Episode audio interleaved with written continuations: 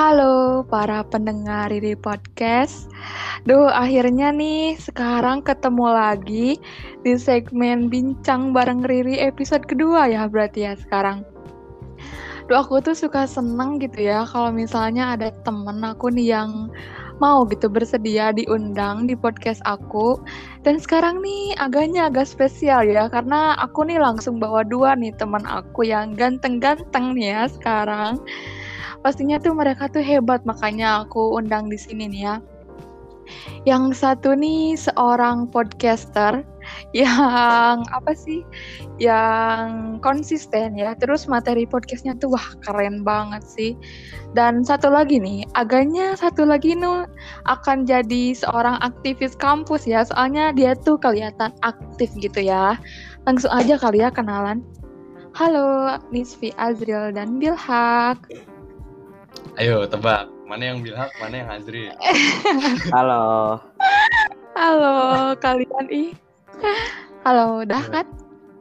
Ya, Apa? Boleh nggak sih aku tuh minta kalian eh, sapa dulu para pendengar aku? Ada nama sebutan khususnya nggak atau nggak ada? Eh, enggak, enggak sih. Riri, eh para pendengar aja. Eh, halo, di mana pun eh karena pasti dengerin podcast tuh kadang-kadang orang yang pagi-pagi mau berangkat kerja, ada yang siang-siang eh, lagi makan Halo? siang, Aduh, ada yang malam lagi nyari tidur. Jadi eh, saya tidak tahu anda dengerin ini kapan, wahai para pendengar dari podcast. Tapi nah, nama saya Azri.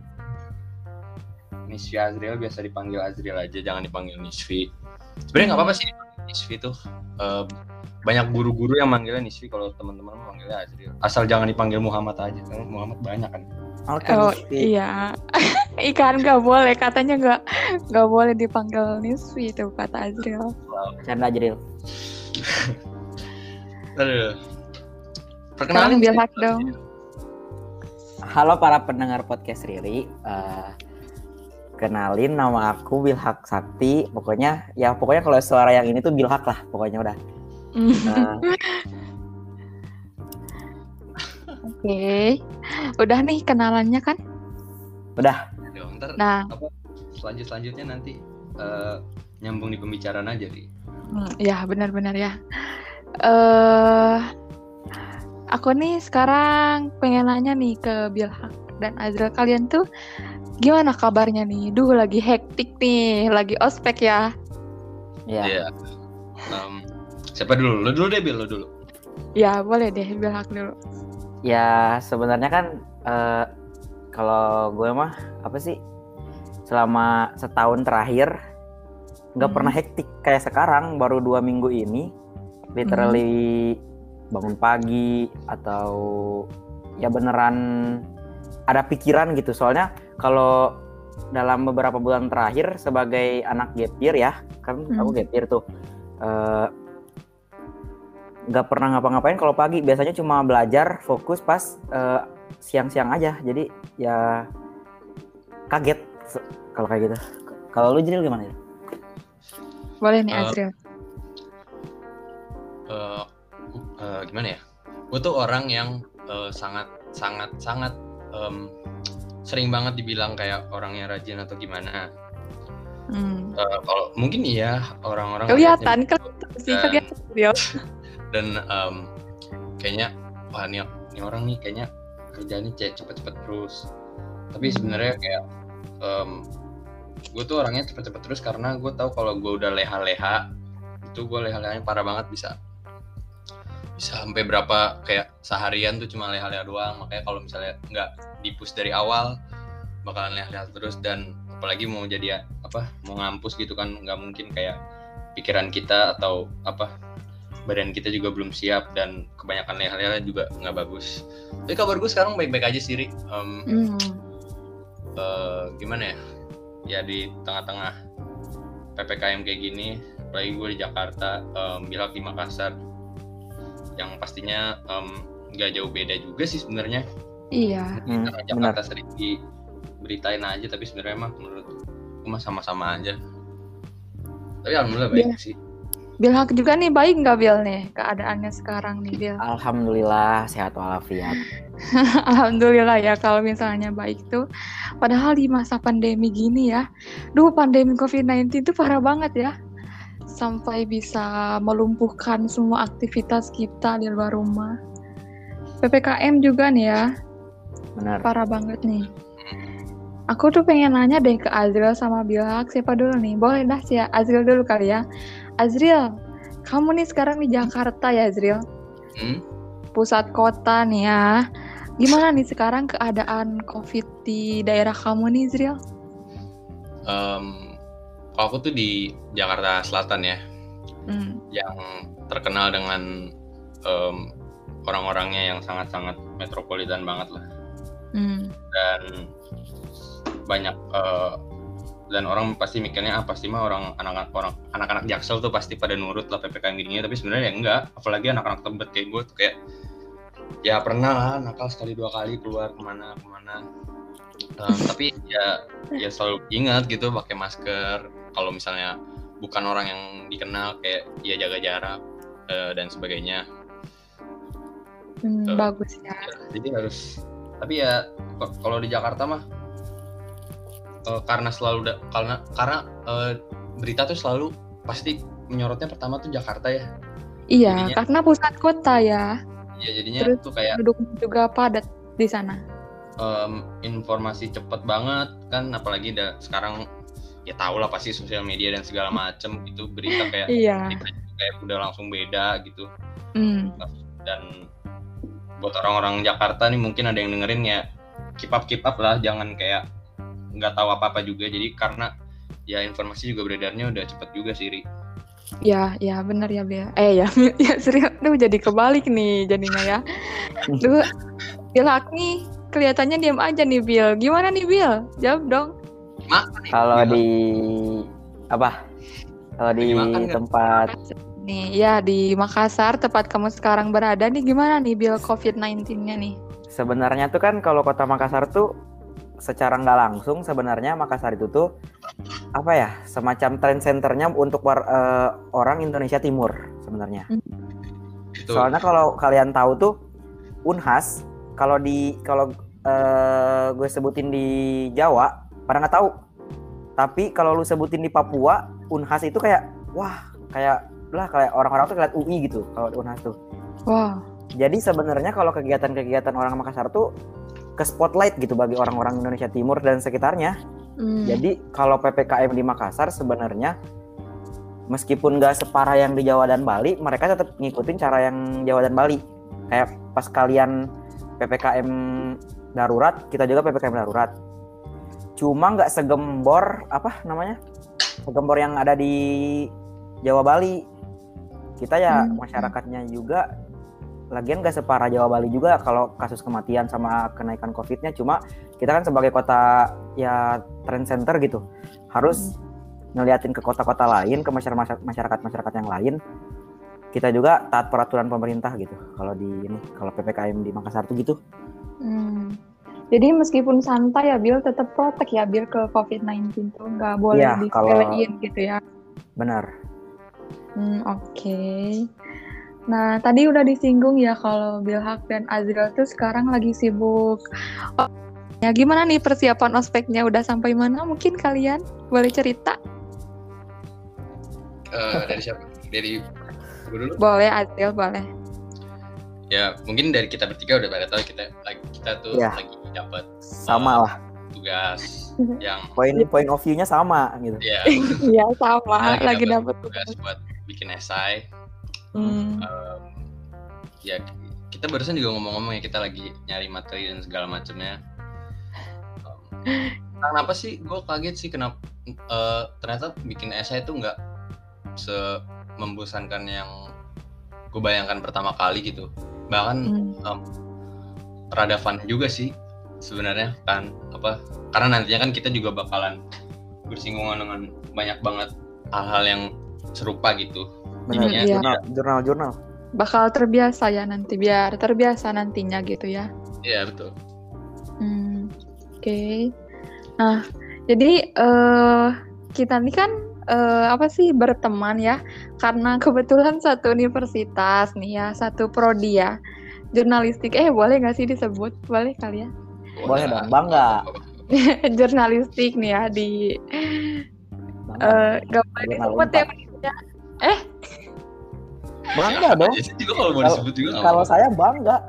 eh nggak boleh sebut merek Lah nggak apa-apa juga kan ini kan self branding juga nggak apa-apa selalu aja. Oke. oh iya nggak apa-apa kali ya di Unpad nih ya jurnalistik di Unpad Hmm. aku tuh eh kita tuh berarti ya kenal belum lama ya berarti sekitar tiga bulan gitu ya karena Iya baru sekitar tiga bulan. maba ya. Eh, maba ya karena kita tuh nah Mm. Aku tuh penasaran deh eh, masuk program studi jurnalistik gitu ya. Dari Azril sama Bilhak nih. Aku tuh pengen tahu deh kalian tuh kenapa sih pada akhirnya memutuskan buat masuk ke jurnalistik tuh? Aku tuh pengen tahu gitu. Boleh dong dijawab. Mungkin dari abang yang year dulu kali ya. Oke, oke, oke, oke. Kalau dari gue sebenarnya pertamanya bukan jurnalistik ya, soalnya udah duluan bucin kampusnya dari Hmm. SD, SD tuh. Ya. Udah oh yang di FB itu ya Bill Iya, spill aja dikit buat para pendengar soalnya waktu SD tuh eh Bilhak kecil ini, Bilhak SD ini mau upload, mau bikin Facebook, sosokan banget bikin Facebook, masukin Iya. universitas, Universitas Pajajaran. Jadi, sudah bucin sejak tidak tahu apa-apa gitu ya betul, betul. Padahal nggak tahu ke- kegiatan kampus ngapain. unik sekali ya Bill Terus seiring eh, apa ya besar gitu eh, SMP udah mikir kayaknya lebih cocok ke bagian komunikasi media atau ya semacam DKV. Akhirnya Hmm. sempat pas SMP tuh mikir mau SMK eh, desain komunikasi visual. Tapi nggak ada bakat ngegambar sama sekali masalahnya. Waduh. Terus gimana tuh, Bill? Terus eh, kayak pas SMA eh, udahlah eh, fix mau di Unpad. eh, Hmm. terus the mikir mikir apa ya jurusan di Unpad kira-kira eh, kalau ilmu komunikasi minder soalnya nggak apa namanya minder otak sama SB nilai nilai SBMPTN apa passing grade namanya kan ya Oh Sama- iya iya. sama passing grade ilmu komunikasi itu ketinggian Tinggi. Seben- Hmm. sebenarnya Iya, Tap- benar-benar. Eh, tapi kalau dilihat-lihat kan awalnya mau TVF atau ya jurnalistik Hmm. tapi kalau TVF ngerasa terlalu ruang lingkupnya TV dan film-film aja gitu Eh, akhirnya Hmm, Bill gitu ya, Bill. Ya kalau jurnalistik kan lebih luas kita Iya. bisa bahas apa aja bisa jadi jurnalis apa saja dan Hmm. sekarang hobinya otomotif sebenarnya jadi eh, udah niatin dalam diri sebenarnya kalau magang tuh mau di semacam eh, majalah-majalah otomotif atau Hmm. ya jadi jurnalis otomotif sih gitu kalau motivasi dari awal Wah, bagus nih, Bill. Kamu tuh berarti sekaligus menyambungkan eh, prodi kamu dengan hobi kamu gitu ya, Bill. bener passion Wah, keren, keren banget sih. Sekarang Azril nih, gimana nih, Azril? Oke, em, kenapa masuk eh, jurnalistik dan kenapa masuk ke Unpad? Kalau Hmm. dari Unpad sendiri tuh kayak em, dari SMP bahkan eh, kayak gue tuh nggak pernah mempertanyakan gitu tempat yang akan gue datengin nanti untuk eh, jadi SMP atau SMA atau nanti jadi kampus gue tuh kayak em, itu nomor bukan yang paling utama lah yang penting tuh gimana caranya em, lingkung apa gimana lingkungannya di sana apakah eh, di sana lingkungannya bagus buat gue nanti berkembang juga Hmm. makanya pas masuk SMP dan SMA alhamdulillah gue masuk di SMP dan SMA yang unggulan bisa dibilang kalau Yang- di Jakarta ya emang Favorit ya. favorit Iya. belum lagi Del. Eh, dan ketika mau masuk un unpad juga gue berpikir kayak oke gue pengen gue kayak harus merantau nih. Em, bukan bukan gimana gimana ya karena ya butuh pengalamannya juga sih sebenarnya karena kan nggak pernah keluar jauh-jauh dari Da- dari Jakarta juga. Ya, benar-benar. Dan- kalau kenapa jurnalistiknya sebenarnya kayak kayak pencarian selama ini kayak ternyata oh gue tuh suka gue tuh suka tahu kayak dengerin orang wawancara padahal mah orang kalau ngeliatnya ah, ngapain dengerin orang wawancara? gitu. Terus kayak bosenin sebenarnya nggak sih? Iya terus kenapa? Ternyata gue suka baca buku biografi loh kayak Hmm. dan orang ngeliatnya aneh gitu kayak oh, kan buku banyak gitu yang lain tentang pemba- apa bahasan-bahasan dan topik-topiknya tuh ya banyak gitu kenapa? Ternyata gue lebih suka ngebaca tentang buku-buku biografi gitu dan ternyata wah kayak jurusan jurnalistik unpad nih kayaknya cocok buat gue deh Em, Hmm. secara gue juga em, udah nge-podcast dari SMA juga bahkan Wah, SMA keren. berapa kelas 11 ya bahkan Hmm. Em, tapi podcast yang gue punya sekarang ini baru jadinya em, nyambung dari sebelumnya Yang gitu lama tuh ke mana tuh, Zril podcastnya? Di Spotify juga kah? jadi gue pernah bikin total tuh ada tiga podcast yang pertama udah nggak ada karena yang pertama tuh belum ngerti sama sekali tentang branding gitu loh jadi kayak bahasannya juga masih jauh melenceng ke mana-mana masih Hmm. apa brandingnya masih kurang bagus belum ngerti cara kayak em, nentuin jadwalnya juga oh iya sama gue tuh kalau gue pas di SMA tuh juga gue adalah em, bisa dibilang penang- penanggung jawab siaran gitu jadi di, di Wah, sekolah keren. setiap hari Selasa tuh kayak ada siaran gitu tapi kayak cuma sebentar doang tuh kayak cuma dari bulan apa kayak dari bulan Agustus sampai Februari gitulah kan kepotong karena ada pandemi juga Pandemi, ya. ya jadi ya nyambung lah ibaratnya interest Hmm. sama jurusan yang gue pilih Hmm. gitu sih Ternyata alasannya 11-12 ya, karena emang mau hobi juga ya, termasuk hobi juga ya. Nah, Iya. kalau aku tuh dikasih pertanyaan yang sama nih ya, kenapa nih Riri pengen jurnalistik misalnya gitu ya? Kalian misalnya penasaran gitu. iya Boleh. Aku, Kenapa, aku, kenapa aku mau jawab nih. Gak tahu nih, aku tuh sebenarnya nggak nggak punya apa sih, nggak punya alasan pasti ya kenapa aku harus pilih jurnalistik. Tapi mungkin secara sederhana gitu ya, aku tuh pengen banget jadi penyiar radio nantinya. Jadi mungkin jurnalistik tuh eh, tempat yang tepat nggak sih buat ke arah situ gitu. iyalah nggak ada Bisa. nggak ada salahnya Masuk juga sih. Sih Ya, Masih jadi rumpunnya. iya, jadi pada akhirnya aku tuh masuk deh ke sini. nggak ada salahnya juga sih Em, karena kan semua orang bisa semua orang bisa bikin siaran tapi semua orang tuh bukan penyiar semua orang bisa ngeluarin berita tapi nggak bukan semua semua orang tuh bukan jurnalis gitu jadi Nah, ya apa yang membedakan mereka itu ya, ya mereka udah punya experience sama udah punya ilmu dasarnya sih Jadi, ya ada benar. juga iya benar-benar. Aduh, Azril pinter banget sih kamu. Azriel Lord SI. Sekarang nih aku tuh pengen nanya juga nih. Aduh, nanya terus ya. Nggak apa-apa kan? silahkan Gak apa-apa, aku suka ditanya. kita mah narasumber juga ya malah yang harus ditanya ya Bil ya. Nah, iya bener deh. Oke, nanya lagi nih. Eh, sekarang nih di masa pandemi ya. Eh, kalian tuh udah divaksin belum sih? alhamdulillah udah Alhamdulillah. Udah dua kali. Sudah dong. udah udah dua kali Wah, Baru keren. pertama. Baru, kalau kalau aku baru pertama. Oke. Kedua kalinya kapan tuh, Bil? Eh kalau sesuai jadwal tanggal 13 September ini. 2 Wah. September. Oke. Nah, di masa pandemi gini nih ya, kalian tuh biasanya ngapain aja sih di rumah? Karena jujur nih ya, aku tuh di rumah udah kayak berada di titik paling enak gitu ya, kayak udah aduh mumet gitu ya di rumah terus. Jadi pengen pengen gitu. Apa sih? Pengen dengar cerita teman aku gitu kalian sebagai teman aku gitu. Ngapain aja sih harus ngapain gitu di rumah tuh di masa pandemi gini tuh? ngapain aja Bil Hmm. mungkin dari Kalau dari gua mah apa sih? Eh, di sebenarnya kalau di rumah nggak bosen soalnya kan selama di Makassar tuh di rumah keluarga, eh, Hmm. rumah nenek. Karena nenek udah eh, meninggal tahun kemarin, Aduh, bukan gara-gara bukan gara-gara covid ya, tapi ya emang udah ini aja. Terus udah takdir. jadi eh, rumahnya sekarang kan dipakai sama keluarga. Ya. Terus kayak ada tiga keluarga gitu, jadi kayak nggak oh, seru yang- gitu ya. nggak nggak sepi ba- malah kan ada bayi jadi selama di rumah ya ngerasa fine fine aja Hmm. Jadi kamu di rumah tuh mainan bayi gitu ya? Betul sama bayi Mainan bayi. Oke, Azriel gimana nih kamu Azriel? kenapa gue kaget eh, sama kayak Bilhak juga sih Em, kayak baru tahun kemarin juga ya nenek gue juga baru wafat juga Um, Hmm.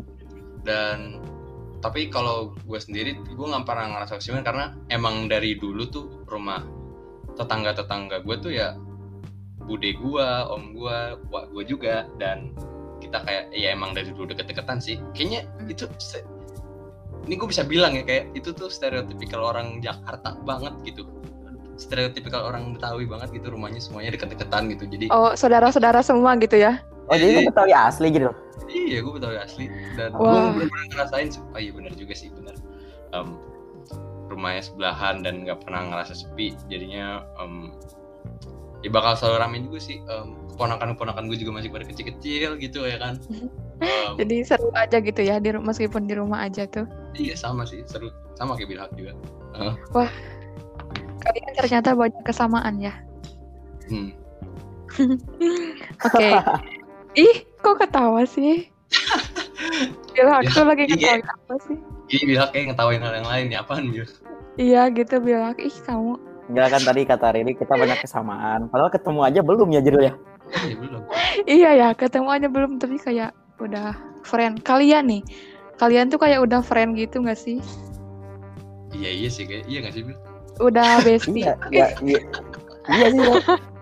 Iya benar sih. udah bestie Pasti. gitu gak sih kalian? Udah udah gini lah intinya mah. Ya ya. Heeh. Udah gini. Sampai ke depan. Amin, amin. Iya. Amin semoga nanti ketemu ya di Nangor. Cepet-cepet offline dong kuliahnya ya. Iya. Amin. Oh, amin. Aduh. Nah, eh, karena nih ya eh, lagi pandemi gini, udah berapa bulan sih? Kayak udah lama banget ya PPKM gitu. Diam di Kamu rumah. Maksudnya PPKM-nya gitu. PPKM udah sebulan Ya, lebih. Beberapa bulan. Iya. Nah, aku tuh kan tadi bilang ya kalau aku tuh udah berada di titik paling enak gitu ya diam di rumah karena biasanya tuh suka jalan-jalan gak sih nonton gitu apa gimana tapi sekarang tuh gak bisa Iya. kayak Hmm. Duh, Soalnya gue gak tipikal-tipikal nongkrong sih kalau gue. tuh kan ya kayak gabut gitu ya di rumah Hmm. mulu gitu gak bisa nonton nah aku tuh yakin deh ya di masa pandemi kayak gini tuh ya pasti deh orang-orang tuh mental health-nya keganggu gak sih maksudnya bukan keganggu maksudnya berpengaruh gitu sedikitnya pastilah berpengaruh kan Iya, pasti. Heeh, Nah. semuanya. Eh, menurut kalian nih gimana sih biar biar tetap apa sih gimana ya tetap punya eh, kesehatan mental yang aman gitu biar kan maksudnya karena tadi aku bilang pasti kan sedikitnya gitu kayak ke keganggu gitu ya aduh bukan keganggu gimana gitu maksudnya ke ya keganggu gitu ya. Nah, menurut kalian harus gimana sih biar bisa kan bi- eh, kalau awalnya tuh selama eh sebelum Hmm. pandemi itu kita bisa self healing di luar rumah gitu nonton apa gimana. Tapi kan sekarang nggak bisa nih. Menurut kalian bisa nggak sih self healing cuma dengan di rumah aja tuh? Dan gimana sih caranya gitu menurut versi kalian aja nih ya? Uh, dari gue dulu mungkin ya. Ya boleh nih Azril. Ah, mental health ya. Apakah gue Hmm. pernah? Gue pernah kena nggak ya? Em, Pernah kayaknya nih. bosen sih kayaknya bukan mental health ya, kayak semua orang pasti pernah bosen juga. Tapi em, untungnya tuh kayak nggak tahu ya kalau kalau gue tuh em, meskipun tadi gue bilang kayak ru- apa rumah saudara pada deket-deket tapi nggak ada yang benar-benar kayak umurnya deket sama gue gitu loh jadi kayak Hmm. dari kecil tuh kayak kayak ya gue dari Ya. kecil ya main main sih seringnya sendirian aja dan Oh ya. dan rada nggak mengganggu Em, mungkin sekarang sih apa beranjak usia jadinya agak lebih terganggu sedikit nih kayaknya tapi kalau dibilang mental health em, keganggu sih mungkin iya tapi kadang-kadang kayak kita suka nggak ngerasa gitu nggak sih kalau Iya. ternyata kita tuh sebenarnya punya masalah di mental health kita tapi eh, Iya, kita tuh kayak Rata-rata pasti nggak pernah ini. ya jadi nggak mengiyakan itu sih Iya, benar-benar. kalau cara menjaganya sih menurut gue ya ya kan kita kan sekarang udah eh, udah bisa interaksi sama teman dari jarak jauh juga ya Hmm. Nah, ya benar. apalagi di benar. tengah pandemi kayak gini gue nggak kebayang kalau pandemi-pandemi yang ratusan-ratusan tahun yang lalu tuh kayak Oh. bener-bener bener-bener nggak bisa koneksi sama sekali setuju bener. Hmm. Jadi itu susah Iya. banget sih. Em, dan gue juga bersyukur kayak pandemi ini hitungannya tuh cepet tahu kayak cuma beberapa cuma nunggu nggak nyampe dua tahun udah ketemu vaksin gitu jadi Hmm. jaga privasi menurut gua ya ngobrol lah sama sama temen-temen lo nggak nggak Setuju cuma banget, setuju parah. temen yang sekarang aja yang kuliah bahkan Hmm. em, temen-temen gue yang dari SMA info aja S- di SMA gue itu kelas IPS-nya kan gue IPS ya? Kelas IPS-nya itu cuma satu kelas Aduh. kelas IPA-nya tuh ada- kelas IPA-nya tuh ada sembilan. Jadi ki- kita, kita tuh temennya itu itu aja. Dan em, bahkan ada temen gue yang dari SMP juga. Jadi kayak ada yang enam udah enam tahun temenan ada yang ada juga yang udah empat tahun temenan juga gitu. Jadinya kayak em, ya ngobrol-ngobrol lah sama mereka lah. Meskipun mereka udah nggak sekampus sama kita, sama kita misalnya. Tapi apa ngobrol sama temen tuh ngebantu banget asli Jadi satu angkatan tuh cuman sedikit dong Zril IPS-nya tuh. Iya cuma satu bukan Wow. sedikit cuma Cuman satu kelas, ang- satu angkatan. satu angkatan cuma satu Wow. Iya, sisanya anak-anak IPA semua jadi kayak kita ya udah sama-sama kenal aja lah Hmm. Jadi eh, menurut kamu nih berarti eh, cara menjaga mental health di masa pandemi itu dengan terus menjaga komunikasi ya antar teman gitu ya. Meskipun betul. eh, cuma lewat WA gitu. iya bahkan kalau cuma lewat WA atau ya- lewat line gitu itu ngebantu banget sih asli Iya, iya. Bilak nih kamu tadi benar-benar kamu setuju atas pernyataan Azril? Setuju 100 juta kali sebenarnya kalau sama kata kata Tajril tuh. Iya. Soalnya apa ya? Kalau kan mental health tuh kayak sebenarnya dirasain kan sama diri. Maksudnya bukan maksud kata kalau kata Tajril kan tadi sebenarnya kita nggak nggak ngerasain secara langsung, Mm. tapi kayak pasti kerasa aja gitu kayak ada yang kosong atau ada yang kurang gitu sama hidup atau apa. Iya. Ya emang harus dikomunikasiin, harus di harus di spill apa-apa. Soalnya kalau benar. iya Soalnya kalau Iya. gue dari dulu emang kalau yang namanya sahabat alhamdulillah sekalinya nge-marking ini sahabat gue Iya. si sahabat ini tuh pasti ngerasa ya bakal selama selamanya jadi sahabat gue bisa meskipun kayak setahun gak ngobrol eh, atau gak pernah kontakan pas kontakan lagi tuh kayak Tetap yang tiap sahabat. hari ketemu Hmm, iya, iya, yang iya. kayak cerita-cerita lagi yang spill dia curhat lah atau gue curhat ke si- dianya Keren. Eh, in, for info aja ya so- kan gue ada sahabat nih dari SD nih ya Mm. dari SD bayangin udah 13 tahun berarti sahabat Wah. sama nih orang Keren, Bilak. Parah. dan 13 perem- tahun. perempuan Wah. dan perempuan sahabat gue ini Iya. jadi Wah. kayak uh, kalau kalau kalau kesah dari SD sampai SMA ya dia tau lah pokoknya semuanya tentang gue Wow. lo ada Jadi teman kalau- dari SD Bil?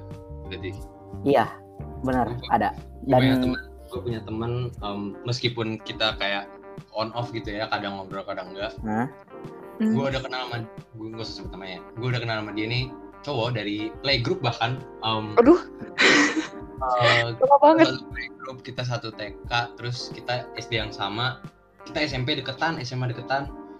Tapi kuliah rada jauh sih gue di Unpad dia tuh di UPN Hmm. jadi tapi benar-benar itu em, bener eh, salah satu keber, apa keberuntungan itu dan mungkin yang pada dengerin ini mesti apa mesti nyontoh sih em, temen tuh bakal jadi temen kapan sampai kapan pun sih sebenarnya.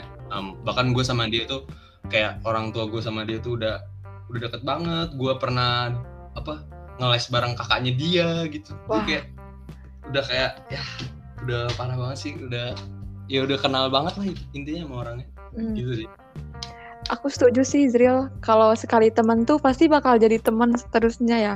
iya heeh. ya nggak ada yang namanya mantan teman kan gitu benar, benar. Berarti kalau misalnya kita dulu pernah temenan, maksudnya eh, temenan nih, tapi kan karena mungkin udah sama-sama dewasa dan punya kesibukan masing-masing, akhirnya eh, nggak saling sapa atau gimana gitu.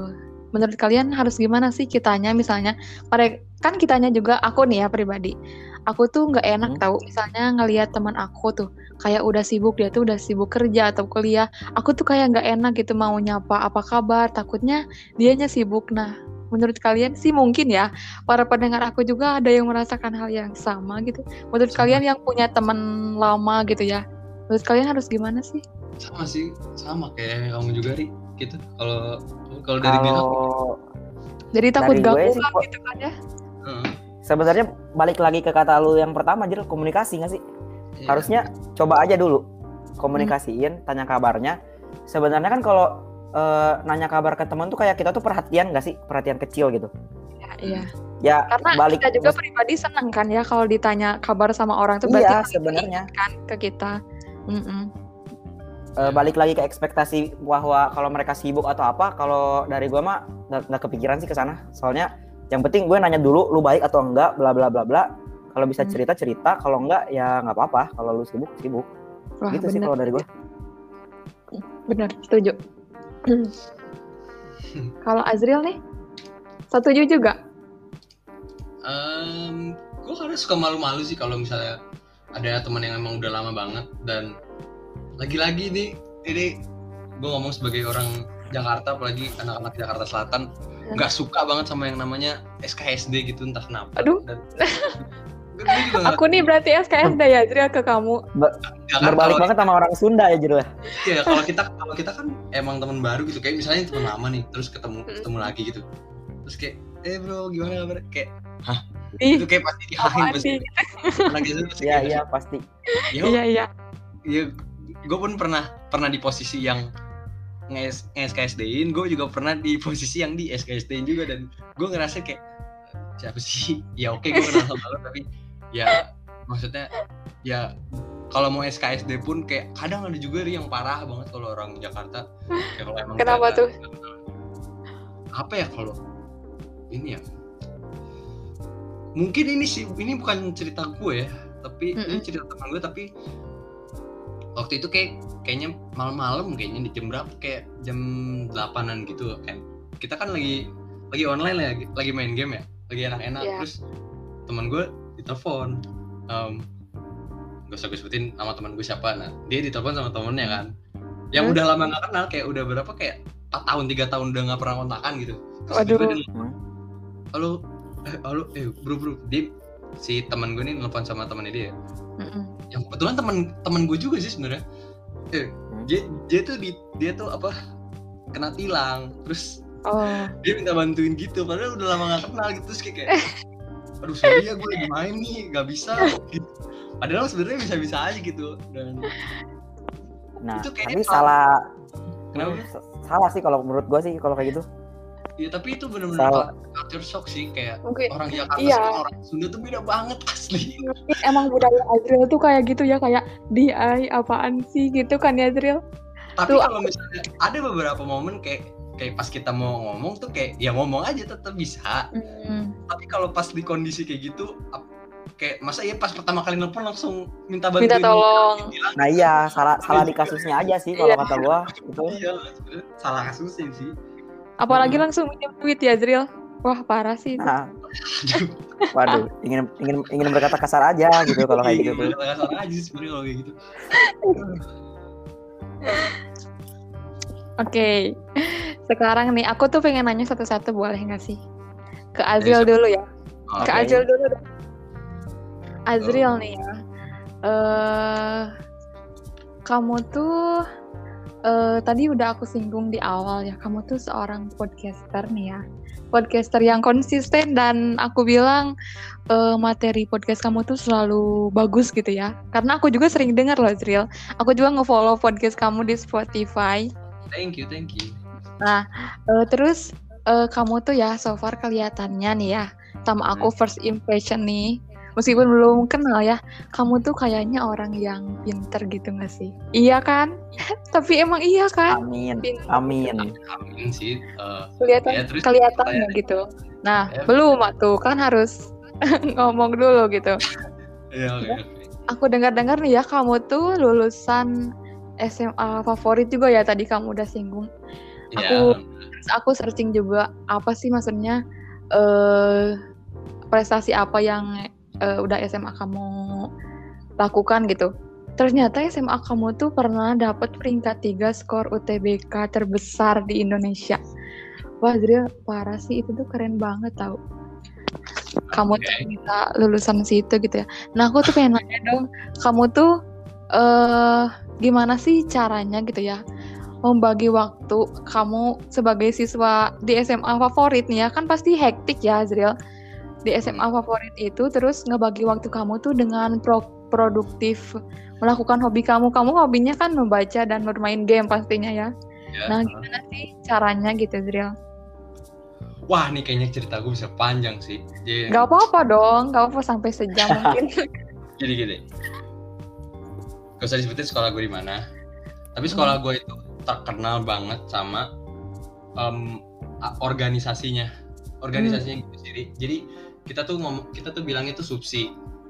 Banyak subsi di sekolah gue ada sub, kalau gue sendiri gue subsi kesenian ya. Gue kesenian, ada subsi em, olahraga, ada subsi kayak kayak semacam ekskul, tapi kalau ekskul kan kayak kita bebas masuk keluar gitu ya ya kalau di sekolah gue tuh em, ketika kita udah masuk kita udah gitu itu identitas kita selama tiga tahun kita akan dikenal sebagai itu dan tadi gue udah disinggung udah singgung di awal gitu kenapa gue bisa dapat em, jabatan em, penanggung jawab siaran tuh karena dari si subsi ini dari subsi kesenian gitu gue ngambil Hmm. jabatan itu Em, wow parah banget sih kalau bisa diceritain dari awal tuh Em, gue sempat diceritain dari alumni Hmm. bahkan sebelum kayak kan kita kan kayak di ospek gitu ya dan, dan di ospeknya itu kalau menurut gue tuh udah lumayan keras banget sih untuk Wah. eh, kesenian loh untuk kesenian yang kayak kita cuma bikin teater kita nari kita ngeband dan segala macam itu kita di ospeknya tuh parah banget sih Em, Gi- Dan- Gimana pecinta alamnya anjir? ospek gue- masuk itunya ya apa sih Ya, masuk jadi organisasinya selama kelas 10 itu kita di ospek selama Hmm. satu tahun itu rangkaiannya kita Iya. dikasih tugas banyak banget dan gue kesel banget aturan aturannya itu kita nggak boleh ngerjain tugas tugas-tugas ospek itu di sekolah bukan ospek gue bilangnya kader deh kaderisasi kita nggak boleh ngerjain Hmm. tugas kaderisasi itu di sekolah dan itu kayak wah ini gila ini menantang banget sih sebenarnya dan gue nggak tahu gue akan ada di sini dan em, tadi lo nanya bagi waktu buat belajar Iya. dan bikin organisasi itu Iya. baru belajar organisasi belum tidur belum makan belum segala macam ya. Wah parah. Asli gue nggak kehitung gue kelas 10 tuh nge-skip makan berapa kali. Gue begadang terus berarti ya Zril? Begadang terus enggak sih tapi kayak ngerjain tugas tuh kayak wah parah banget. Nyimbangin oke gue mau ngerjain tugas pelajaran dulu atau tugas pelajaran organisasi dulu? Kayak mikir, mikir antara dua itu sih sebenarnya. Em, terus kayak apa ya pengalaman gue ya gue pernah kayak gue gue kan ikut panitiaan juga di organisasi itu banyak banget. Gue pernah jadi danus gue pernah jadi logistik gue pernah jadi acara gue pernah jadi humas. Hmm. lagi gue pernah jadi konsumsi juga. Gue gue pengen ngerasain banyak gitu kayak eh, minat gue sebenarnya di mana. Dan kayaknya gue baru nyetel itu setelah kelas 11 sih Ri. ketika gue udah ketika gue yang nge ngekaderin adik kelas gue itu gue gue kayak oke sekarang gue udah gak dikader gue udah gak punya pressure gitu.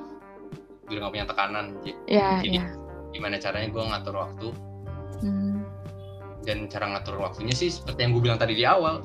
Kalau lo ada tugas dan lo sekiranya punya waktu ya udah lo coba aja kerjain dulu. Lo mungkin belum Ah. belum tentu tahu apa, apa jelasnya harus tugasnya harus ngapain tapi kan lo bisa pelan-pelan lo baca lo kayak lo harus disuruh apa kayak Hmm, tugas, iya. tugas kita sekarang kan kayak ya baca aja dulu briefnya dulu kayak Hmm. oh ini, ini, ini. dicoba dulu ya dicoba dulu gitu ya biar waktunya bisa pas selesainya dan juga eh, nggak nggak banyak waktu kebuang itu sih Hmm. sebenarnya benar benar benar tapi agaknya nih eh, Zril sekolah kamu tuh berbeda ya sama sekolah aku nih. Perasaan aku ya nggak ada kema- kepanitiaan deh. Kalau misalnya ada acara apa tuh pasti sama osis gitu. Nggak ada kepanitiaan kayak sekolah kamu gitu. Ini- agaknya ya, begitu berbeda ya Bil kastanya. Dia sekolah favorit ah. Dia gimana ya? wah parah. Sekolahnya keren banget sih. Sekolah masuk situ susah ya Zril sangat susah lebih susah dari masuk SMP gue sih sebenarnya Da- padahal SMP gue juga jatuhnya favorit tapi gue ngerasa lebih susah masuk SMA gue daripada masuk SMP gue aduh tapi bersyukur ya kamu Ya, bisa alhamdulillah. berada pengalaman lah Mm-mm. Dan pasti lingkungan yang seperti itu juga membuat kamu jadi lebih baik lagi kan pasti ya Bil? Eh ya Bil ya Zril. iya nah, bener banget Keren. Oke sekarang ke Bilhak nih Bil. Oke. Sama kayak tadi nih udah aku singgung di awal nih Bil. Kalau kamu tuh agaknya nih akan jadi seorang aktivis kampus ya Bil. Waduh. Iya. tapi tapi berpotensi sih si Bilal gini Iya, soalnya kamu tuh udah kelihatan gitu, kamu tuh ramah, terus baik gitu ya. Kamu tuh aktif juga sih, Bil. Nah, aku tuh pengen nanya, kamu tuh gimana sih caranya biar tetap baik, tetap ramah ke orang baru gitu, tetap aktif. Tapi nggak disangka SKSD gitu. Soalnya kamu tuh emang nggak SKSD, tapi kamu tuh baik gitu, ramah ke banyak Enggak orang. lah, Bilal, Bilal hitungannya bukan SKSD lah aman dia kalau di sama anak Jakarta nggak bakal dinyinyirin ya Hmm, nah gitu. Waduh. Jadi semacam tips and trick gitu gak sih jadinya kalau kayak gini? Iya, iya bener-bener. Kalau dari eh, pribadi sebenarnya kalau ngerasa ngerasa diri tuh selalu sebagai pribadi yang eh, ambivert yang kadang kadang keluar introvertnya kadang ekstrovertnya Hmm. Eh, jadi kalau sebenarnya kalau untuk sekarang kan on online nih agak advantage juga sih agak eh, sebuah keuntungan juga buat pribadi yang kayak ambivert gini Mm-mm. jadi sebenarnya mimik muka kita nggak kelihatan Iya, jadi bisa berpura-pura. iya tapi kan emang kadang mimik muka gimana hati gimana kan sebenarnya kalau Iya. hati ya ra- ramah-ramah aja se- se- sepanjang setiap hari ramah-ramah aja cuma kan mimik muka kadang orang kalau udah ngelihat dia apa sih ini kenapa gini Iya. mukanya Ya, Iya. betul.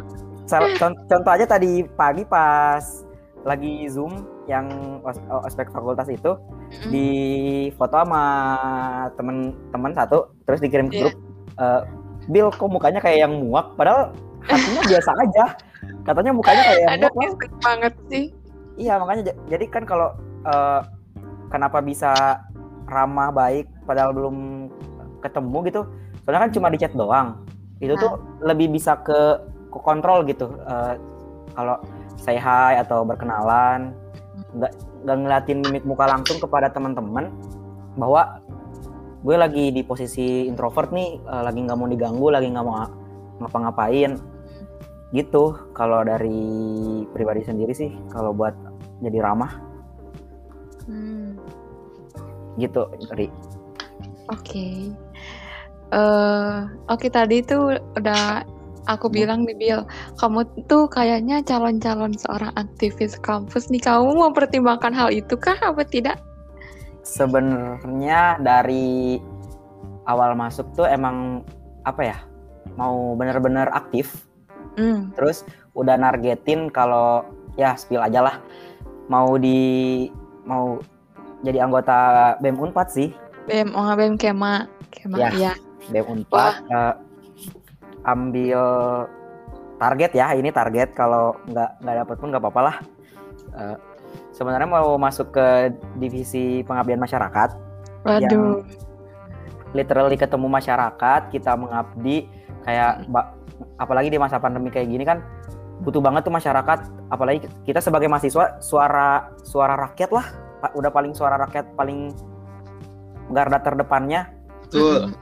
seenggaknya Betul. kita dari eh, ngebantu pemerintah Mm-mm. kayak misalnya baksos atau donasi ke desa-desa di sekitar Jatinangor yang penting berguna lah buat Iya. sekitar.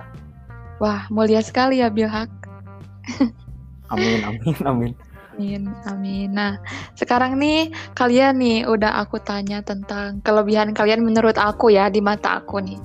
Hmm. Nah, sekarang tuh aku tuh pengen nanya gitu. Kalian tuh di antara kehebatan kalian itu, kalian tuh pernah nggak sih ngerasa insecure nih? Soalnya aku nih ya, aku nih yang seorang yang nggak punya apa-apa gitu ya, nggak bisa ngapa-ngapain, maksudnya nggak sehebat kalian lah ya, masih standar gitu. aku tuh suka insecure gitu ngelihat orang duh hebat gitu. Lihat kalian juga nih sebenarnya, duh si Azril nih kayaknya produktif banget orangnya gitu, kayaknya pinter. Lihat si Bilhak, gila nih si Bilhak pasti banyak deh temennya, soalnya kayaknya asik banget gitu. Nah kalian tuh pernah nggak sih insecure kayak aku gitu? Hmm. Bil, Tapi tapi tapi bentar. Sebenarnya kan itu sudut pandang Riri kan. Eh, Mm-mm. Tapi sudut pandang dari pribadi gue sendiri sih ngeliat Riri juga udah produktif dan Aduh. bi- bikin bikin podcast tuh bukan cuma apa ya niatnya tuh gede loh bikin podcast tuh apalagi kayak gini sebenarnya lanjutin podcast yang sama sih kan. Kan gue iya kan pernah makanya gue pernah ngapus gue pernah ngapus satu podcast dan pernah mempensiunkan satu podcast gitu tapi itu itu enggak gitu um, Ang, jangan gitu dong. Iya, makanya sebenarnya kalau sudut pandang orang lain ngeliat lu seproduktif itu tuh beda ri jadi kayak misal meskipun lu lihat orang lain lebih produktif lah daripada yang lu lakuin sekarang Ya. tetap Riri tuh di pandangan orang lain ya produktif juga Hmm. gitu Oh ternyata gitu ya orang lain memandang aku tuh kayak enggak ngeh gitu ya enggak ngeh sendiri gitu kalau aku tuh ternyata gitu. Iya. tapi balik balik lagi ke yang tadi yang kalau ngerasa insecure sebenarnya even sekarang pun insecure parah sih Kenapa Nadia. tuh? Eh, soalnya apa eh, kita kuliah di PTN favorit lalu Mm-mm. mas ma- jalur masuknya aja susah-susah Mm-mm. dan meskipun rata-rata kating-kating udah ngingetin bilang nggak kok Bil nggak seambis itu anak-anak eh, ini anak-anak kampus lu nggak nggak seambis itu tapi tetap aja nggak sih soalnya apalagi masih awal-awal jiwa-jiwa spirit maba tuh masih pada ambis semua lah nggak mungkin enggak Iya iya benar-benar. tetap Pastilah semuanya ambis. Lihat aja dari tugas Prabu dan tugas dialog ini. Wah sih orang tuh pada hebat. Nih waduh para pendengar aku ya kemarin tuh kita ada tugas Hmm. bikin esai nih.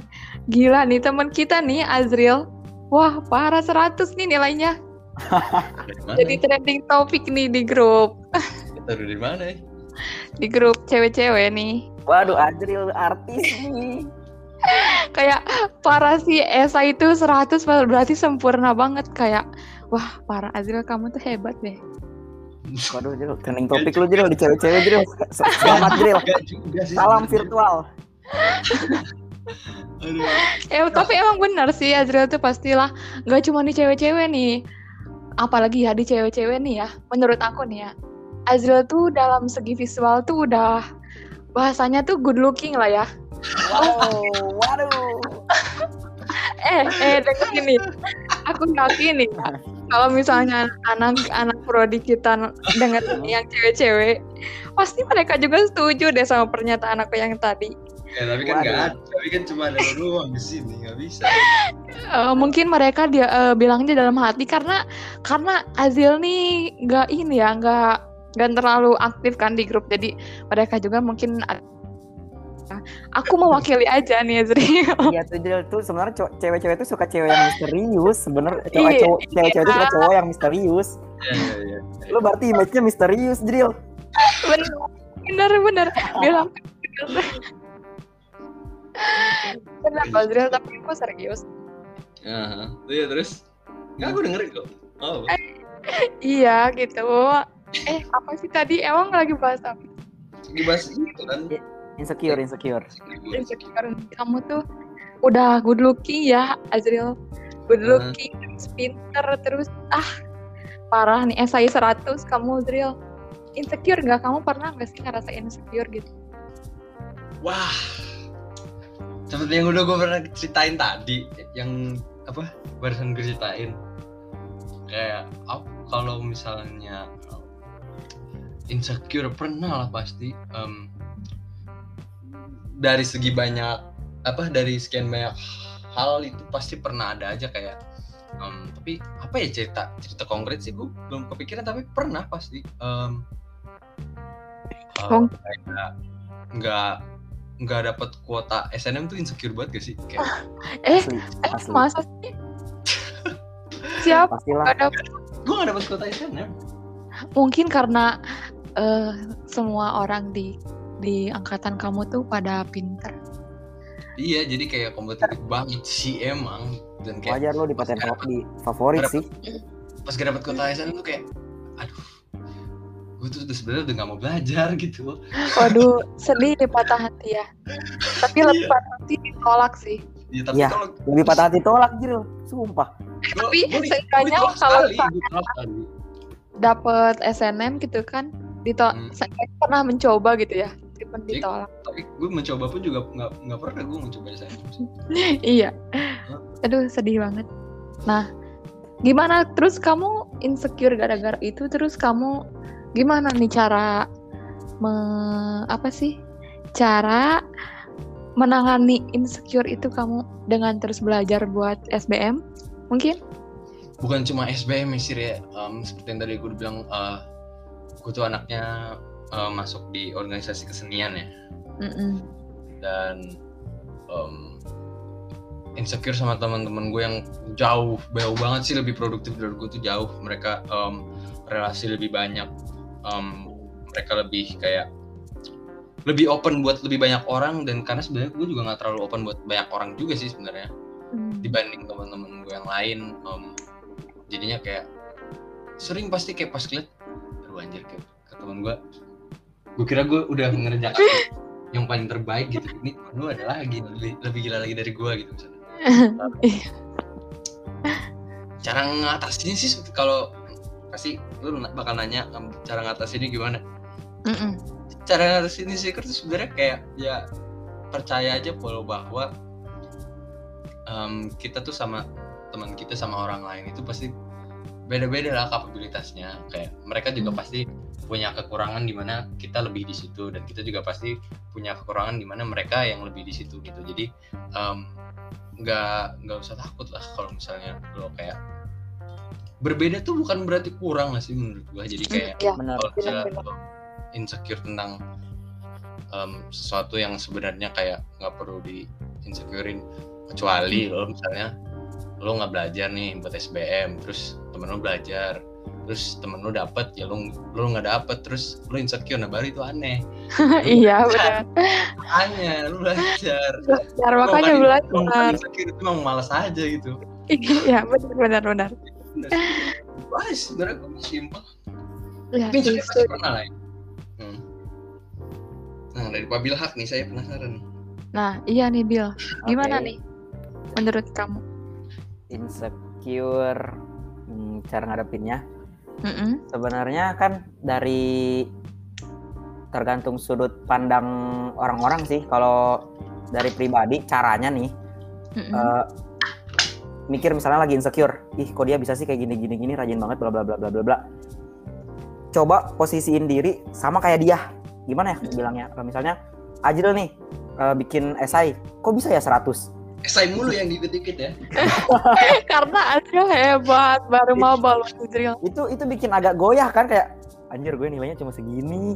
Si Iya. Ajril kok bisa? Nah gue ngeposisiin dirinya kayak Ajril terus kemarin kan sempet minta juga ke Ajril Ajril eh, gue buat pelaj- minta esai lu dong buat gue pelajarin. Nah sebenarnya dari niat diri sendiri lagi aja sih lu mau tetap stay di posisi insecure lu itu atau mau bangkit cobain jadi orang tersebut eh, yang orang yang lu insecure gitu jadi kayak Iya bener sih bener, bener. Jangan berlarut-larut lah intinya lah ya.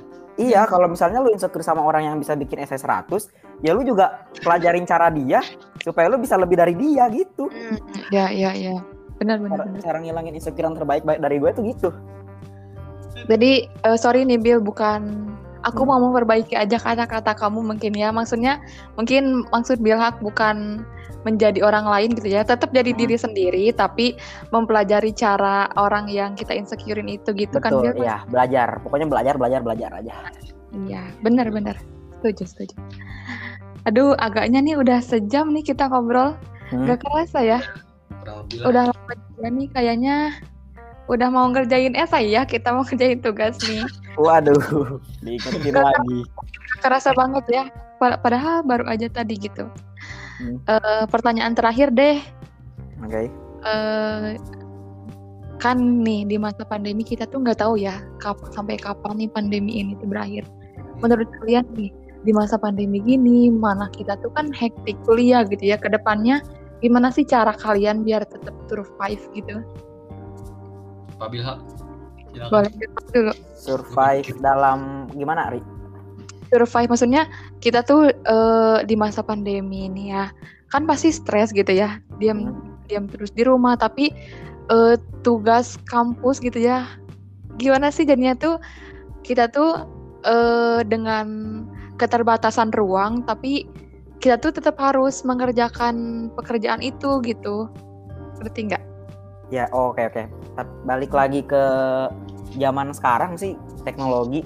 Soalnya kan kita meskipun di rumah teknologi udah secanggih sekarang tetap bisa ketemu lah, mes- eh, tetap eh, ngapa-ngapain di satu tempat gitu, di satu device. Kayak misalnya ini aja selama os ospek gini, eh, gue cuma dua kali turun dari kamar. hmm. Soalnya udah mulai berinteraksi sama teman-teman lah, eh, ngobrol bareng di podcast, ngerjain ngerjain tugas bareng. Hmm, iya iya Kayak, kayak tadi siang ya Jeril ya. Ngerjain tugas bareng. Jadi kayak aduh aku nggak diajak nih agaknya nih emang mau sama anak-anak cowok, ntar di cam lain nanti Aduh, nangis. Waduh. jangan dong ini aku nih Me. takut nangis nih asal Waduh, waduh. Eh, Enggak lah. Sebenarnya kalau survive bisa sih, soalnya alhamdulillah dengan segala apa ya, eh, yang penunjang kayak wifi, fasilitas yang mumpuni ya ya. Jadi sebenarnya survive bisa lah kalau pandemi ini. Hmm. Kalau kalau Ajil gimana nih? Kalau Bila kan udah ngomong tentang em, kalau kita sekarang udah dipermudah dengan em, teknologi ya. Tapi kalau misalnya kalau dari cara survive tuh kayak entah kenapa kalau di rumah tuh kayak kebanyakan kan kita sekarang ngapa-ngapain sebanyak banyakan di rumah ya. Em, Mm. Jadi kita punya waktu itu itu ngasih waktu banyak banget khususnya buat gua buat em, lebih ngevaluasi diri kayak gue gue kurang dalam hal apa sih sebenarnya? Ap- ada nggak sih yang bisa gue tingkatkan gitu? Dan kalau misalnya emang bener ada dan dilakukan apa diperbaiki dikit-dikit dengan benar itu pastinya kalau misalnya em, ke depannya mau ada pandemi mau enggak kita tuh insya Allah lah bisa bakalan survive gitu kalau kita punya mindset. Di mana Hmm. kita ya selalu pengen memperbaiki diri aja sih tapi gue juga nggak suka bukan nggak suka sih kayak gue suka rada gimana gitu juga sama orang yang kadang-kadang suka rada perfeksionis kayak menurut gue tuh kesalahan-kesalahan dikit tuh malah jadi kayak ada ada seninya tersendiri oh iya iya iya kayak jangan ya jangan perfeksionis perfeksionis banget lah Heeh. Hmm. Iya iya iya iya. Ah. Oke nih, duh udah sejam. Kayaknya kita udahan dulu deh ya ngobrolnya. eh taruh taruh taruh taruh Oh, gue gue Kenapa? promosi gue promosi dulu boleh Aduh, boleh boleh Azriel boleh. Silahkan. Iya seperti yang tadi gue bilang, gue punya eh, gue punya podcast namanya What We Thinking About. Mm-mm. Berdua sama teman gue namanya sebut aja nggak apa-apa ya. Nama teman gue Boleh. Alfatu, dia di Unpad juga tapi dia di manajemen. Mm. Eh, kita udah kenal dari SMP. Mm. Em, kita nggak satu SMA tapi SMA kita deketan, rumah kita deketan jadi ya Jadi kita temenan, satu, satu sahabatan. circle pertemanan yang udah lama banget kayak kita tuh em, ada di circle yang sama jadi kayak dan alhamdulillah kita sekarang eh, satu kampus jadinya mengurus mengurusi podcast ini bisa gampang mudah. Dengerin kita terus what we thinking about nama podcast gua Setiap hari Asik minggu tuh. tungguin aja kayak gue tuh suka upload tuh kadang-kadang jam 9 atau jam 10 Mm. enak banget buat lo eh kayak istilahnya kayak rekapan satu minggu lah ibaratnya nggak Hmm. cuma rekapan satu minggu juga em, kadang-kadang juga suka ada topik-topik yang menarik juga yang menurut gue kayak kayak enak deh buat dibahas kayak pada saat ini gitu Hmm. gitu sih sebenarnya Bener, bener teman-teman nih. Aku juga nih ya suka ngedengerin podcastnya Azriel nih. Seru banget soalnya ya. Karena ya itu tuh eh apa sih menambah wawasan kita sebagai aku ya. Terutama aku tuh gak suka nonton berita. Tapi gara-gara Azriel tuh kemarin juga ya Azriel terakhir kamu tuh eh pernah juga kamu tuh collab juga ya. Aku tuh nggak aku tuh ketawa-ketawa tahu dengarnya. Karena lucu juga gitu. Iya. Nanti aku sertakan deh ya pod, nama podcast kamu di caption mungkin ya sama Instagram kalian juga boleh. Waduh, boleh tuh. Nah, buat eh, pertanyaan terakhir nih, apa nih kiranya Hmm? Kak yang mau kalian sampaikan, mungkin pesan atau kesan buat para pendengar aku gitu? Ah, Hmm? Dari siapa dulu nih? Dari dulu. Boleh. Azril. Azril dulu boleh. Ini kira-kira yang berarti yang bakal dengerin podcast podcastnya Riri ini berarti kayak anak kuliahan kayak gitu juga atau Iya. ada juga pasti anak-anak yang bakal berjuang masuk PTN juga lah ya. Hmm, Ya. benar benar benar. Um, intinya kayak um, kayak gue ngutip dari siapa ya gue lupa pokoknya. Semua yang lo lakuin sekarang nih, apalagi ketika lo merasa ke, merasa nggak enak dan gue pernah, apalagi buat kalian para kelas 12 yang sedang mengejar PTN impian kalian, gue pernah ada di posisi kalian, gue pernah sama mulus-mulusnya sama kayak kalian, Sumpah, itu itu semua bakalan berakhir. iya, benar. cepat mau lambat itu bakal berakhir. Entah gimana caranya lo kalian aja gimana eh, eh, menghandle situasinya. Em, jangan kayak temen gue juga yang belajar sampai pagi yang tidak makan sama sekali akhirnya dia tipes ya. Tipes air, tipes, tidak bisa ikut masuk kelas keluar, terus iya. gitu ya. mandiri saya teman saya ada yang seperti itu. Eh, Oke. tapi ya, ya imbangin lah hidup tuh harus seimbang apalagi kalian mau ngejar PTN gitu kan kayak gak lucu banget asli gak lucu banget ketika kalian gak bisa ujian gara-gara kalian sakit. Gitu buat Benar benar benar. ya teman gue kayak gitu dan gue kayak itu, itu gak lucu banget sih. Udah itu sih dari gue Jadi intinya eh, perjuangkan sesuai porsinya aja gitu ya Azril, nggak usah terlalu berlebihan. betul, betul banget Oke, Hmm. thank you Azril. Sekarang Bilhak dong. Kalau dari Bilhak, eh, pokoknya eh, buat pendengar podcast ini, terutama yang seumuran atau yang lagi berjuang, apa pun yang diperjuangin lah, pokoknya, Mm-mm. pokoknya stay alive aja lah. Eh, pokoknya jangan sampai mikir aneh-aneh tentang kenapa sih hidup gue kayak gini, kenapa hidup gue kayak gitu. Stay alive. eh, ada yang pasti ada yang nge- ngerasa hidup apa ya berguna buat ber- berguna dari hidup lo gitu even itu orang tua lo even itu teman lo mereka tuh pasti eh, kalau lu nyerah kayak gini mereka pasti bak- bakal ikut sedih pokoknya buat pendengar podcast Riri ini semangat gitu aja sih Thank you loh Bilhak nih. Oke. Hmm. Eh, aku aku juga mau menyampaikan nih kepada kalian makasih banyak ya buat Azril dan Bilhak teman satu prodiku. Meskipun Sama-sama, kita nggak sekelas ya Azril, Oh, iya. tapi sekelas sama Oke. Bilhak. ya. Aku tuh pengen deh nanti ya kalian datang lagi ke podcast aku mungkin nanti siap aku undang lagi boleh ya Boleh. dengan oke mungkin dengan topik nanti sebagai anak kuliah gitu ya. Siap. Nanti Ya. aku undang lagi ya. Oke, aku akhiri ya. Thank you loh kalian udah mau datang. ya makasih juga Riri udah ngundang aduh podcast pertama loh jadi bintang tamu Yoi. Aku akhiri ya. Thank you. Iya Yoi, makasih juga Ri